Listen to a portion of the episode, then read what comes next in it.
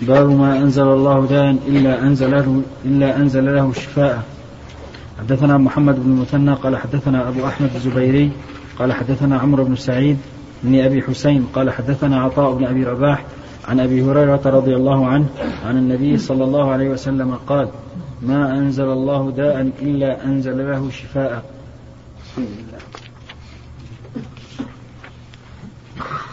الشفاء سبق لنا أنه يكون بالقراءة والدعاء والتعوذ ويكون أيضا بالأدوية. فالشفاء له طريقان. الطريق الأول التعوذات والأدعية والقرآن وما أشبه ذلك. والطريق الثاني الأدوية الطبيعية التي علمت إما بالوحي كالعسل فيه شفاء الناس وإما بالتجارب. وهناك شيء ثالث طريق وهمي لا حقيقة له وهو أن يعتمد الإنسان على أمر ليس ليس له أثر لكن بناء على ما توهمه يظن أن له أثرا. مثل لبس الحلقة لدفع البلاء أو رفعه والخيط والودعة وما أشبه ذلك. هذا لا يجوز لأنه ليس شفاء حسيا ولا شفاء شرعيا يعني ليس دواء حسيا ولا دواء شرعيا فلا يجوز الاعتماد عليه.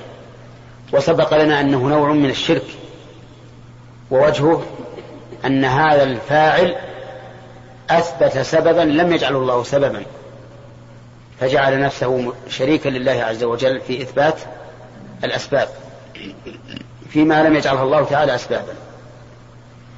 وقول ما أنزل الله داء يشمل المرض الحسي وهو مرض البدن والمرض المعنوي وهو مرض القلوب انحرافها انحراف اعتدالها واستقامتها على دين الله هذا أيضا له شفاء. شفاء الرجوع إلى كتاب الله عز وجل وسنة رسوله صلى الله عليه وسلم كما قال الله تعالى يا أيها الناس قد جاءتكم موعظة من ربكم وشفاء لما في الصدور وهدى ورحمة للمؤمنين. وما داوى الإنسان قلبه بشيء بشيء أفضل من كتاب الله عز وجل. لكنه يحتاج إلى قراءته بإخلاص وتقرب من الله عز وجل وتدبر لمعانيه واعتقاد بأنه شفاء. وأما شخص يقرأه ليجرب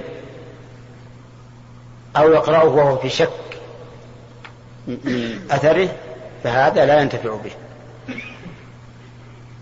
نعم. طيب ما الغرض من قول الرسول هكذا؟ الغرض منه أن نطلب الدواء. ليس مجرد خبر بل أن نطلب الأدوية ولكن من الطرق إيش؟ الشرعية التي جاء بها الشرع أو شهد لها الحس والواقع نعم. نعم يا شيبة. الأولى يا شيخ أن يبدأ بالتعوذات إذا أصابه مرض أو يذهب إلى الأدوية هذا حسب حال المريض. من المرضى من عنده قوة إيمان فيما جاءت به الشريعة من الأدعية والتعوذات فهذا يبدأ بها قبل. ومن الناس من إيمانه ضعيف كحال أكثر الناس اليوم يكون اعتمادهم على الأشياء الطبيعية أكثر فائدة. فالناس يختلفون. من الناس من عنده قوة إيمان بالنسبة للقارئ وبالنسبة للمقروء عليه. فالمقروء عليه يكون قابلا لهذا الشيء. وهذاك القارئ يكون فاعلا مؤثرا. وقد مر علينا أنه لا بد من محل قابل ومؤثر فاعل وآلة يكون بها التأثير.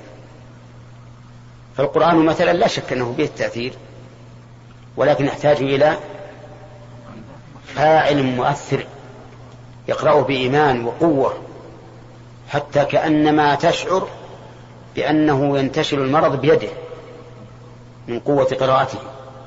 ومحل قابل بالنسبة للمقروء عليه. انه قابل لهذا ومؤمن لأنه سينتفع به. فإذا لم يكن عند الإنسان هذا الإيمان فليأتي بال... بالدون بالأدوية الطبيعية. نعم يا خالد. إحنا نفضل من لم يتقدم له سؤال. لا تقولون ان, إن هذا من باب الهجر. أي لكن في ناس رفعوا أيديهم الآن وقد أخذ. نعم. شيخ جزاكم الله خير في مسألة التشفي بالقران قراءته إيش؟ قراءة القرآن يعني على سبيل دفع المرض. أقول أحيانا يقرأ الإنسان القرآن على سبيل المراجعة ويكون مثلا سريعا في القراءة ويفوت يعني شيء من التدبر بل كثير من التدبر أحيانا. فهل مثل هذه القراءة تنفع يعني؟ تنفع الأجر يثبت. الأجر يثبت لكن أريد أن لا شك أن نفعها للقلب قليل. القراءة بلا تدبر لا تنفع القلب نفعا كثيرا إلا بحب التقرب إلى الله عز وجل ورجاء الثواب فقط أما انفاع القلب بها حيث السلوك والاتجاه والإرادة فهو ضعيف جدا. لكن رفع المرض. حتى رفع المرض. إذا لم يكن عنده تدبر يعرف أن هذه الآية ستؤثر في المرض. لا لا هو يقرأ يقرأ قراءة مسترسلة يقرأ جزء جزئين مسلما هكذا. كيف ينفع ولا بد الإنسان اللي بي اللي بي اللي, بي اللي بيقرأ القرآن لأجل الشفاء يأتي بالآيات التي ثبت أنها شفاء كالفاتحة مثلا. أو بالآيات المناسبة للمرض كآية السحر في المسحور. نعم وآية الزلزلة في امرأة المعسرة. وما أشبه ذلك. المهم أنه لابد يعرف أن هذه آيات للشفاء.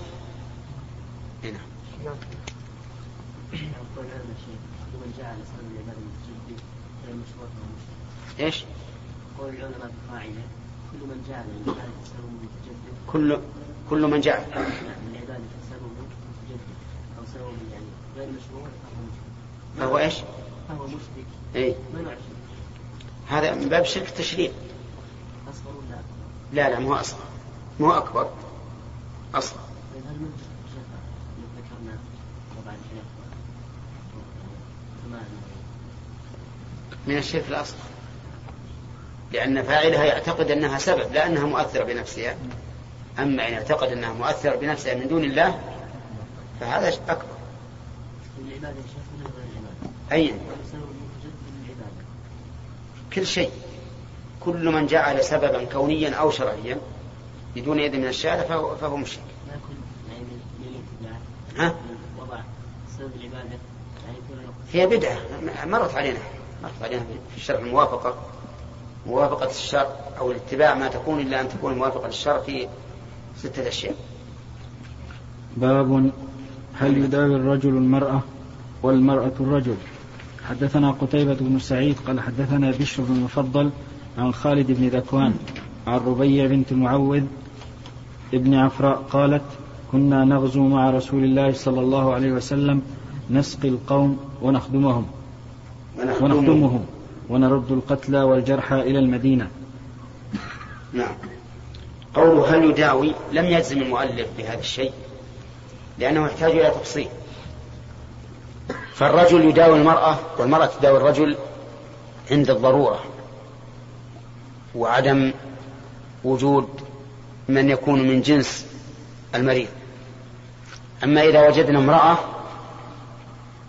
مريضة وفيه طبيب ذكر وطبيبة أنثى فلا نعدل إلى الذكر عن الأنثى وكذلك بالعكس.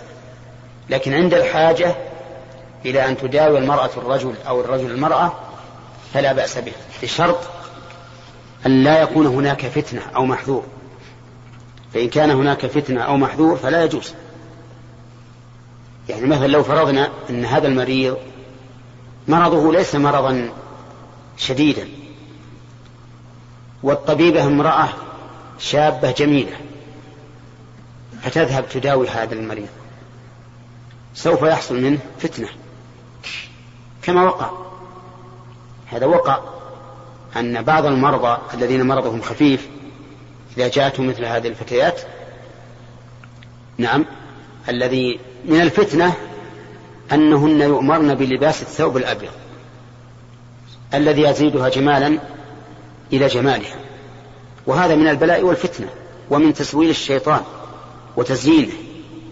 وإلا فما الفرق بين الأسود وبين الأبيض؟ لا فرق. إلا أن هذا من باب من باب تسويل الشيطان والعياذ بالله لهؤلاء الذين يلزمون الممرضات بلباس الثوب الأبيض. المهم أنه يوجد من بعض المرضى من تحس منه الممرضة بالشهوة. بالشهوة. وفعلا تظهر علاماته في, في الأعضاء التناسلية من الرجل والعياذ بالله. هذه فتنة ما يجوز مهما كان. لأن العلماء رحمهم الله يقولون إنه يحرم التداوي بالمحرم ولو بصوت ملهات يعني ولو بموسيقى وشبهها. فكيف عاد بالشيء المباشر؟ ولا شك أن الشيطان يجري من ابن آدم مجرى الدم وأن المرأة ربما تفتتن بهذا المريض تفتتن به. فعلى كل حال نقول لا بد من الحاجة إلى أن تمرض المرأة الرجل أو الرجل المرأة. والثاني إيش؟ أمن الفتنة. فإن لم تؤمن فإنه لا يجوز. طيب أما ما ذكر المؤلف في الحديث عن ربيع بنت معوذ فأنا لا أحفظ أن هذا حصل إلا في غزوة أحد. ولعلنا نشوف الشرح. مع أن ظاهر الحديث أن هذا دائم لقولها نعم. كنا نغزو. فظاهر أنها فظاهر أن هذا دائم أو غالب ولا أحفظ هذا إلا في غزوة أحد. وغزوة أحد كما تعلمون كان الصحابة قليلين بالنسبة ل... لقريش. وأيضا حصل من الصحابة أو حصل عليهم ما حصل من الجراح والتعب وأيضا في المدينة كانت قريبة. يمكن للمرأة أن تخرج و و بدون محرم وبسهولة. ما عندك شيء؟ نشوف الآن يقول هنا بس أحال إلى كتاب الجهاد ولكن تكلم سطر أو سطرين. إيش؟ أحال إلى كتاب الجهاد. إيش يقول؟ سنتكلم يقول وإنما لم يجزم بالحكم لاحتمال أن يكون ذلك قبل الحجاب. أو كانت المرأة تصنع ذلك بمن يكون زوجا لها أو محرما. وأما حكم المسألة حكم المسألة فتجوز مداواة الأجانب عند الضرورة وتقدر بقدرها فيما يتعلق بالنظر وال والجس باليد وغير ذلك. وقد تقدم البحث في شيء من ذلك في كتاب هذا جاء ذكره؟ قوله باب مداواة النساء الجرحى. أي من الرجال وغيرهم في الغزو. ثم قال بعده باب رد النساء الجرحى والقتلى كذا للأكثر وزاد الكشميهني إلى المدينة قوله عن الربيع بالتشديد وأبوها معوذ بالتشديد أيضا والذال المعجمة. لها والذال المعجمة. لها ولأبيها صحبة. قوله كنا مع النبي صلى الله عليه وسلم نسقي. كذا أورده في الأول مختصرا. وأورده في الذي بعده وسياقه أتم وأوفى بالمقصود. وزاد الإسماعيلي من طريق أخرى عن خالد بن ذكوان ولا نقاتل. وفيه جواز معالجة المرأة الأجنبية الرجل الأجنبي للضرورة. قال ابن قال ابن بطال ويختص ذلك بذوات المحارم ثم بالمتجالات من منهن. مترجلات. المتجالات ميم تاء وجم جيم ألف نعم. متجالات؟ نعم. معناها مترجلات ما أدري كأن هذه مرادفة. نعم. لأن موضع الجرح لا يلتذ بلمسه بل يقشعر منه الجلد.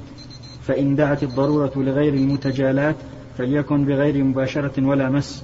ويدل على ذلك اتفاقهم على أن المرأة إذا ماتت ولم توجد امرأة تغسلها أن الرجل لا يباشر غسلها بالمس بل يغسلها من وراء حائل. في قول بعضهم كالزهري وفي قول الأكثر تيمم. وقال الأوزاعي تيمم. تيمم. تيمم.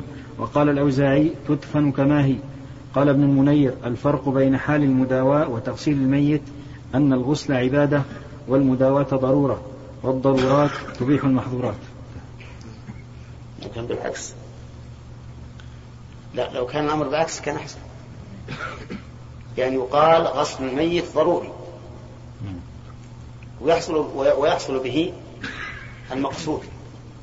لكن المداواة قد يحصل بها المقصود وقد لا يحصل. قد لا تبرأ. فلو أنه عكس رحمه الله لكان أحسن. بس خلاص. وش اللي يقول بالباب أوفى من هذا؟ يقول باب اللي بعده يا شيخ. إيش يقول؟ يقول باب ونزع السهم من البدن. أو يمكن ساق الحديث في باب واحد مرتين. وأورده في الذي بعده. نعم باب مداواة النساء الجرحى في الغزو وباب رد النساء الجرحى والقتلى هذا شرح اثنين بس له أطراف له أطراف لا الم- المهم أني أنا أنا لا أحفظ أن أن نساء الصحابة فعلن ذلك إلا في غزوة أحد. معلوم أن غزوة أحد كانت قبل الحجاب. ولكن ما المشكلة الحجاب الآن؟ المشكلة المس والمباشرة. هذا هو المشكلة. فنحن نقول إن هذا كما قال المؤلف رحمه الله هذا من باب الضرورة من باب الضرورة. ونحن أضفنا إلى الضرورة ما هي ها؟ أمن. أمن الفتنة وهذا شرط لا بد منه أما كون الصحابة نساء الصحابة يخرجن في كل في كل غزوة ويشاركنا فهذا لا أحفظه أبدا وأنتم تتبعوا الموضوع أيضا نعم. باب الشفاء في ثلاث حدثني الحسين قال حدثنا أحمد بن منيع قال حدثنا مروان بن شجاع قال حدثنا سالم الاطفس عن سعيد بن جبير عن ابن عباس رضي الله عنهما قال الشفاء في ثلاث شربة عسل وشرطة محجم وكية نار وأنهى أمتي عن الكي رفع الحديث. رواه القمي عن ليث عن مجاهد. عن ابن عباس عن؟ عن النبي صلى الله عليه وسلم في العسل والحد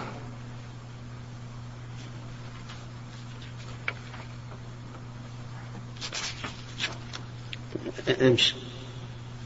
حدثني محمد بن عبد الرحيم قال أخبرنا سريع سريع بن يونس أبو الحارث قال حدثنا مروان بن شجاع عن سالم الاقفص عن سعيد بن جبير عن ابن عباس رضي الله عنهما عن النبي صلى الله عليه وسلم قال الشفاء في ثلاثة بشرطة محجم أو شربة عسل أو كية بنار وانهى امتي عن الكي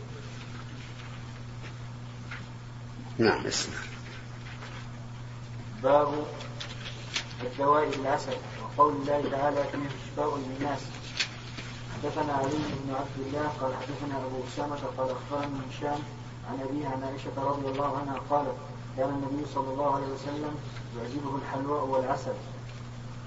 حدثنا أبو نعيم قال حدثنا عبد الرحمن بن الغسيل عن عاصم بن عمر بن قتادة قال سمعت جابر بن عبد الله رضي الله عنهما قال سمعت النبي صلى الله عليه وسلم يقول إن كان في شيء من أدويتكم أو يكون في شيء من أدويتكم خير ففي شرطة محجم أو شربة عسل أو لذعة بنار.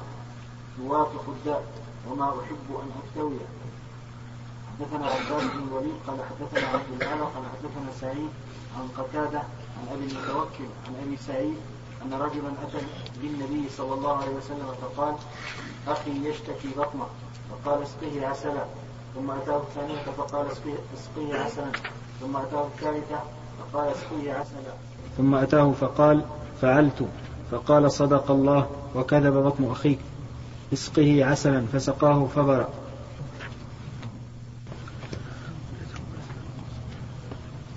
في هذه الأحاديث ثلاث مباحث. أولا قوله صلى الله عليه وسلم الشفاء في ثلاثة.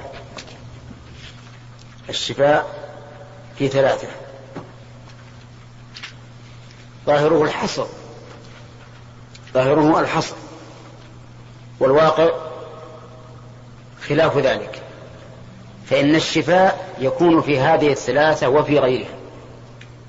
من الأدوية الطبيعية والأدوية الشرعية. والجواب على هذا الإشكال أن نقول إن هذا الحصر إضافي. بينه حديث جابر يقول إن كان في شيء من أدويتكم يعني الشفاء في ثلاث في الأدوية التي كانوا يستعملونها في ذلك الوقت. لا في كل شيء فالشفاء يكون في هذه الثلاث وفي غيرها. ثانيا قوله الشفاء في ثلاث ظاهره أن الشفاء يكون لا محالة. وليس الأمر كذلك. فإن الإنسان قد يتناول هذه الأشياء أو قد يفعلها ولكن لا يشفى. فيقال إن الرسول صلى الله عليه وسلم شرط شرط شرطا لا بد منه وهو قول توافق الداء توافق الداء. في حديث من؟ في حديث جابر أيضا. فإذا لم توافق الداء فإنه وإن استعملها لا ينتفع بها. واضح؟ ولا غير واضح؟ واضح. أن الرسول اشترط أن توافق الداء وهذا لا بد منه.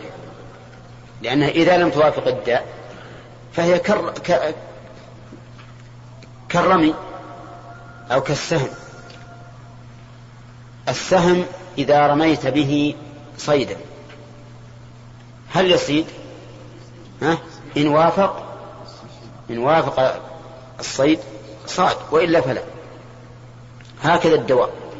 إن وافق الداء نفع وإن لم يوافق فلا. الموافقة قد تكون بملاءمة هذا هذا الدواء للداء وعدم الموانع.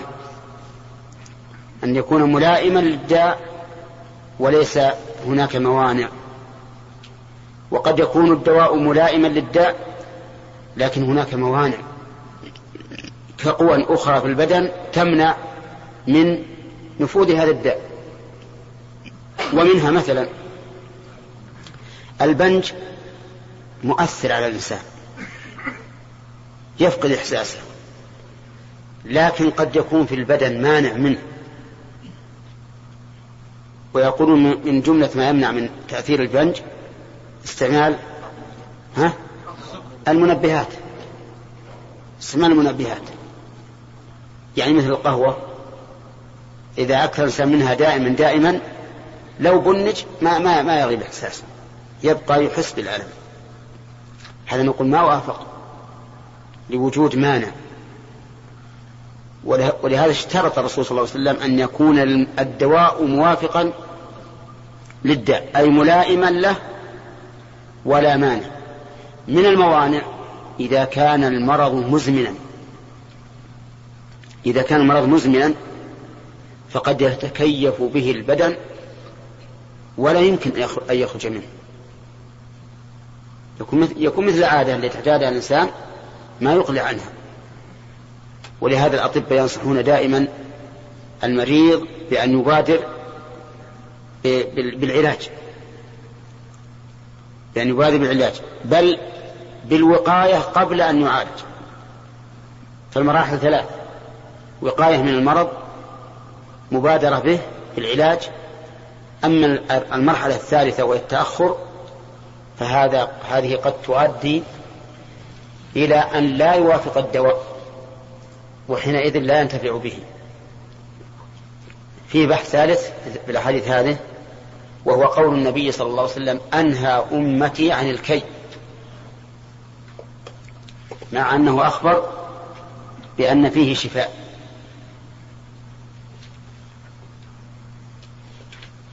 فلماذا؟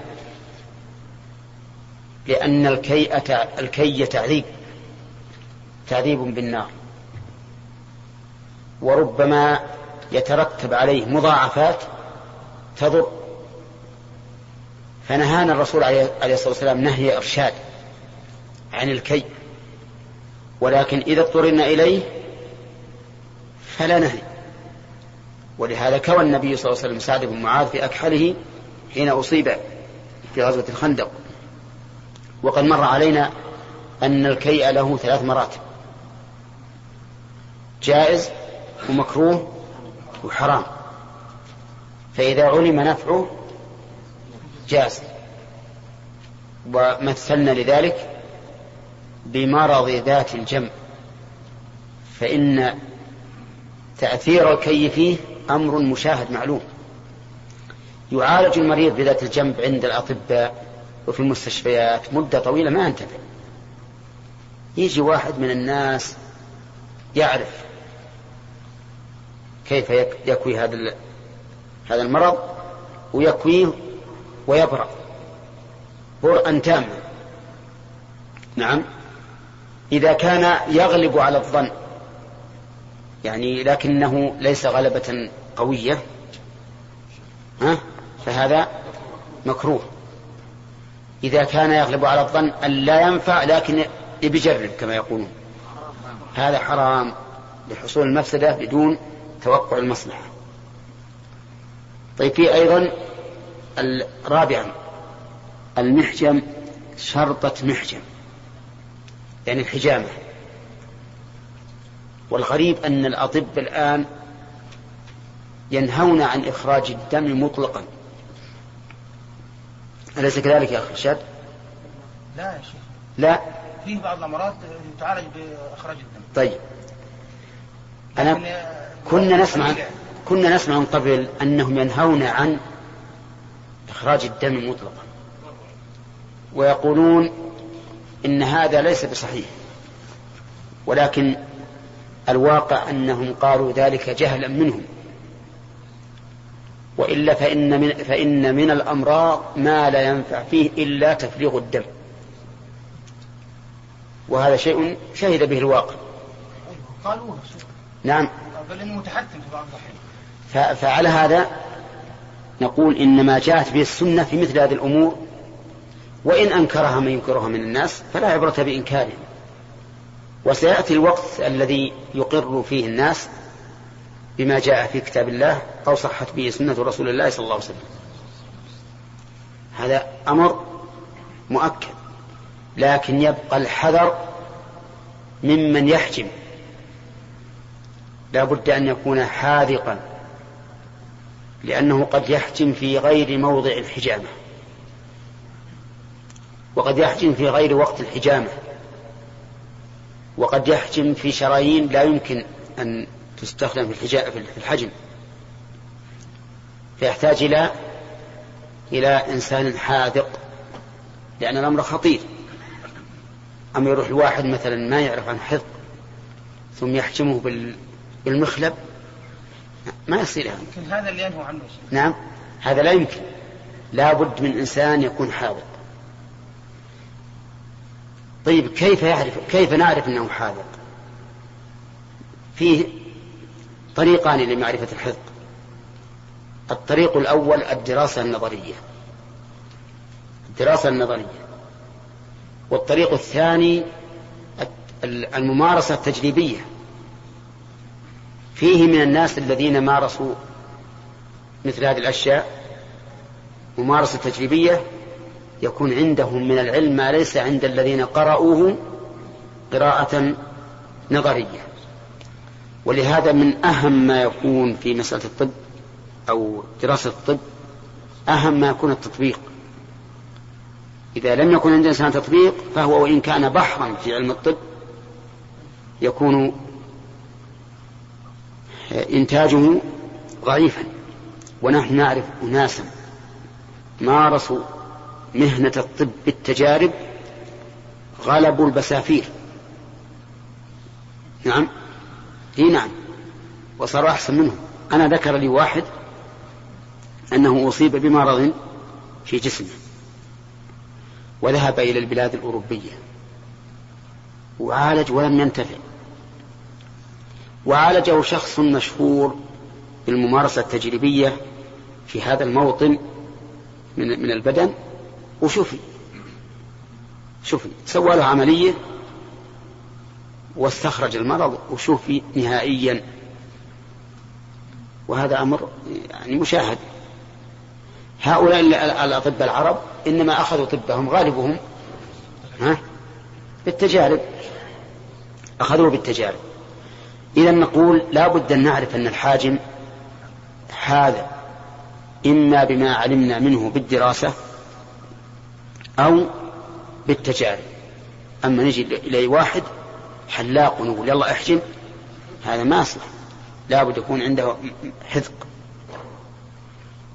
كما أن بعض الأطباء الذين درسوا الطب دراسة نظرية لا تكون عندهم الشجاعة التي يمارسون بها الطب عمليا. نعم تجده درس مثلا عن العلاج في العمليات الباطنية لكن لا يستطيع أن يجري عملية. إذا جاء يجري وإذا يده ها؟ ترتعش ما يستطيع. هذا أيضا فائدته قليلة. فائدته قليلة. نعم؟ أي نعم. أو يمنع. يمنع. لكن ما رأيكم بالذي جاءه رجل وقال إن فيه فتقا؟ فهل تعرف أن تعالجه؟ قال أعرف أن أشقه ولا أعرف أن أخيطه نعم. يمكن هذا ولا لا؟ قال له والله يا أخي تعرف تشق ولا تعرف تخيطه عذيه يعرف يشق البطن ولا يعرف يخيط. نعم ما يصلح. فمثل هؤلاء وإن قالوا إنهم أطباء أو مثل جلسوا للناس ما يجوز أن الإنسان يلقي بيده التهلكة في عند هؤلاء. طيب هذه مباحث الباب البابين كليهما. الجنب يا شيخ. نعم. شدات الجنب ما أعرف إيش الصوت. أحيانا تكون وباء. يعني أذكر من وتجري يقص الضلوع. قصة يقصها. يعني تتبعها. و... ويعرف هو.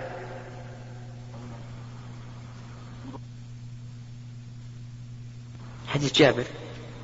موجود. اي موجود. موجودة بنفس الحديث. يقول, ففي شرطة محجن ففي شرطة محجن أو شربة عسل أو لدعة بنار توافق الداء. نعم. ها؟ لذعة. هنا النار ما هي بتلدغ. اللي يلدغ الحية. إي. باب الدواء لإعلام الإبل. حدثنا مسلم بن إبراهيم قال حدثنا سلام بن مسكين أبو نوح البصري قال حدثنا ثابت عن أنس أن ناسا كان بهم سقم. عندك أبو نوح ولا نوح؟ أو. ابن مسكين نوح البصري. عندكم أبو؟ عندكم روح ولا أبو؟ أبو روح. من أجل هذه النسخة الثالثة. طيب. فيه ابن مسكين أبو نوح البصري. نسخة. طيب. نعم. أن ناسا كان بهم سقم قالوا يا رسول الله آونا وأطعمنا. فلما صحوا قالوا إن المدينة وفنا فأنزلهم الحرة في زوج الله.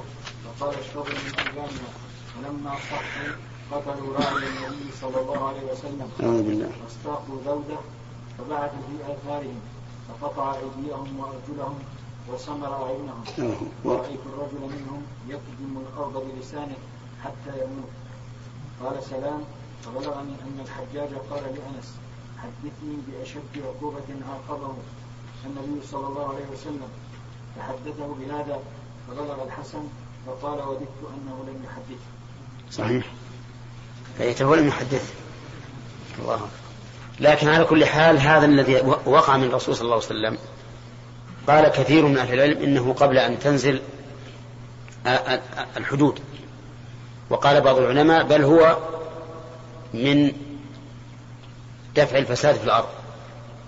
والله يقول إنما جزاء الذين يحاربون الله ورسوله ويسألون في الأرض فسادا أن يقتلوا أو يصلبوا أو تقطع أيديهم وأرجلهم من خلاف أو ينفوا من الأرض. هؤلاء قابلوا النعمة بالكفر. أكرمهم النبي عليه الصلاة والسلام وأخرجهم إلى الإبل وأمرهم بالشرب من من أبوالها وألبانها حتى يصحوا. فكانت مجازاة هذا ال- العمل الجليل والمكافأة السيئة. ثانيا أنهم سرقوا استاقوا الإبل. ثالثا اختطفوا الرجل وقتلوه. رابعا سمروا أعين الرجل كما جاء في رواية أخرى. سمروها أو سملوها وكيفية السمر أو السمل أن يؤتى بمسمار ويحمى بالنار ثم تكحل به العين. طبعا ت... ها؟ أي تنتهي. فهم فعلوا هذا بالراعي. ففعل بهم النبي صلى الله عليه وسلم كما فعلوا. ثم تركهم في الحرة. يستسقون ويسقون أسقون أسقون فتركهم حتى ماتوا. لأنهم والعياذ بالله بدلوا نعمة الله كفرا. أما كون الحسن يقول ليته لم يخبر الحجاج لأنه يخشى أن ينزل الحجاج مثل هذه العقوبة بمن يخالفه في سياسته. أين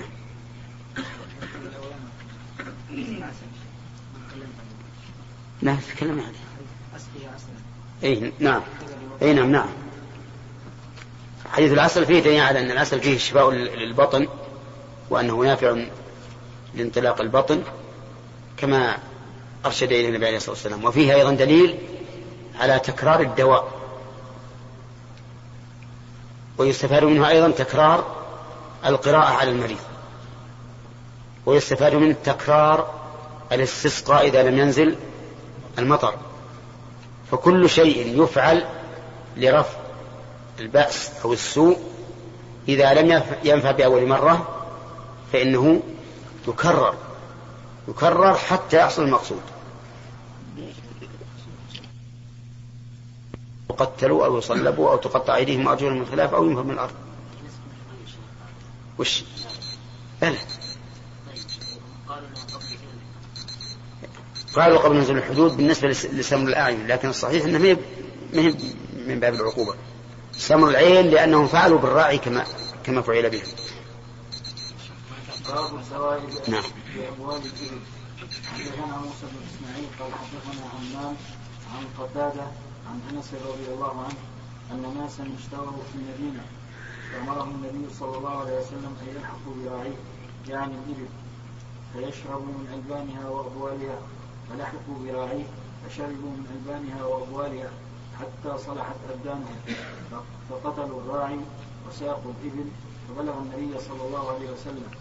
فبعث في طلبهم فجيء بهم فقطع أيديهم وأرجلهم وسمر عينهم. قال قتادة حدثني محمد بن سيرين أن ذلك كان قبل أن تنزل الحدود. نعم. هذا احتمال لكن الصحيح ما في شيء مخالف. أعطنا الشرح بعد فيه. باب لا الشرح شرح شرح. ها؟ اي طيب. قوله باب الدواء بأبوال الإبل. ذكر فيه حديث الحرميين ووقع في خصوص التداوي بأبوال الإبل. حديث أخرجه ابن المنذر عن ابن عباس رفعه. عليكم بأبوال الإبل فإنها نافعة الدربة نافعة الدربة بطونها والدرب بفتح المعجم وكسر الراء جمع درب والدرب فتحتين فساد المعدة قوله. الضرب الضرب. الضرب فتحتين فساد المعدة قوله. إن ناسا استووا في المدينة. كذا هنا الإثبات فيه. وهي غرفية أي حصل لهم الجوى وهم في المدينة. ووقع في رواية أبي قلاب عن أنس اجتووا المدينة. قوله أن يلحقوا براعيه يعني الإبل. كذا في الأصل. وفي رواية مسلم من هذا الوجه أن يلحقوا براعي الإبل. قوله حتى صلحت في رواية الثانية صحت قوله قال قتادة هو موصول بالإسناد الموصول وقوله حدثني محمد بن سيرين الآخري يعكر عليه ما أخرجه مسلم من طريق سليمان التيمي عن أنس قال إنما سملهم النبي صلى الله عليه وسلم لأنهم سملوا أعين الرعاة. وسيأتي بيان ذلك واضحا في كتاب الديات إن شاء الله. هذا هو الأقرب. الأقرب أن تقطيع أيديهم وأرجلهم من خلاف هذا عقوبة.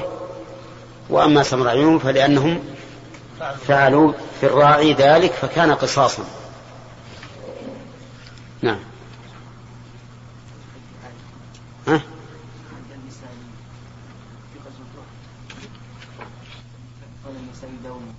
نعم في غزوة أحد وش يقول؟ في الشرح عطني إياه. نقرأ الباب. إيه آه، اقرأ المهم من هذا با- قوله باب غزو النساء وقتالهن مع الرجال. وقع في هذه الترجمة حديث الربيع بنت معوذ وسيأتي بعد باب. وفي حديث أم عطية الذي مضى في الحيض وفي حديث ابن عباس عند مسلم. كان يغزو بهن فيداوين الجرحى الحديث. ووقع في حديث آخر مرسل. أخرجه عبد الرزاق عن معمر عن الزهري قال كان النساء يشهدن مع النبي صلى الله عليه وسلم المشاهد ويسقين المقاتلة ويداوين الجرحى ولأبي داود من طريق حشرج بن زياد عن جدته أنهن خرجن مع النبي صلى الله عليه وسلم في حنين وفيه أن النبي صلى الله عليه وسلم سألهن عن ذلك فقلنا خرجنا نغزل الشعر ونعين في سبيل الله ونداوي الجرحى ونناول السهام ونسقي السويق. ولم أرى في شيء من ذلك التصريح بأنهن قاتلن. ولأجل ذلك قال ابن المنير بوب على قتالهن وليس هو في الحديث. فإما أن يريد أن, أن إعانتهن للغزاة غزو وإما أن يريد أنهن ما ثبتن لسقي الجرحى ونحو ذلك إلا وهن بصدد أن يدافعن عن أنفسهن وهو الغالب. انتهى. وقد وقع عند مسلم من وجه آخر عن أنس أن أم سليم اتخذت خنجرا يوم حنين فقالت اتخذته إن دنا مني أحد من المشركين بقرت به بطنه ويحتمل أن يكون غرض البخاري بالترجمة أن يبين أنهن لا يقاتلن وإن خرجن في الغزو فالتقدير بقوله وقتالهن مع الرجال أي هل هو سائغ أو إذا خرجن مع الرجال في الغزو يقتصرن على ما ذكر من مداواة الجرحى ونحو ذلك. ثم ذكر المصنف حديث أنس لما كان يوم أحد انهزم الناس الحديث والغرض منه قوله فيه ولقد رأيت عائشة بنت أبي بكر وأم سليم وإنهما لمشمرتان وقد أخرجه في المغازي بهذا الإسناد بأتم من هذا السياق ويأتي شرحه هناك إن شاء الله تعالى. وقوله خدم سوقهما بفتح الخاء المعجمة والدال المهملة وهي الخلاخيل وهذه كانت قبل الحجاب. ويحتمل أنها كانت عن غير قصد للنظر. وقوله تنقزان بضم تنقزان تنقزان بضم القاف بعدها زاي والقرب والقرب بكسر القاف. وبالموحدة جمع قربة وقوله وقال غيره تنقلان القرب يعني باللام دون الزاي وهي رواية جعفر بن مهران عند عبد الوارث أخرجها الإسماعيلي وقوله تنقزان قال الداودي معناه تسرعان المشي كالهرولة وقال عياض قيل إيش؟ قال الداودي معناه تسرعان المشي كالهرولة. إيش؟ تنقزان. كالهرولة. كالهرولة.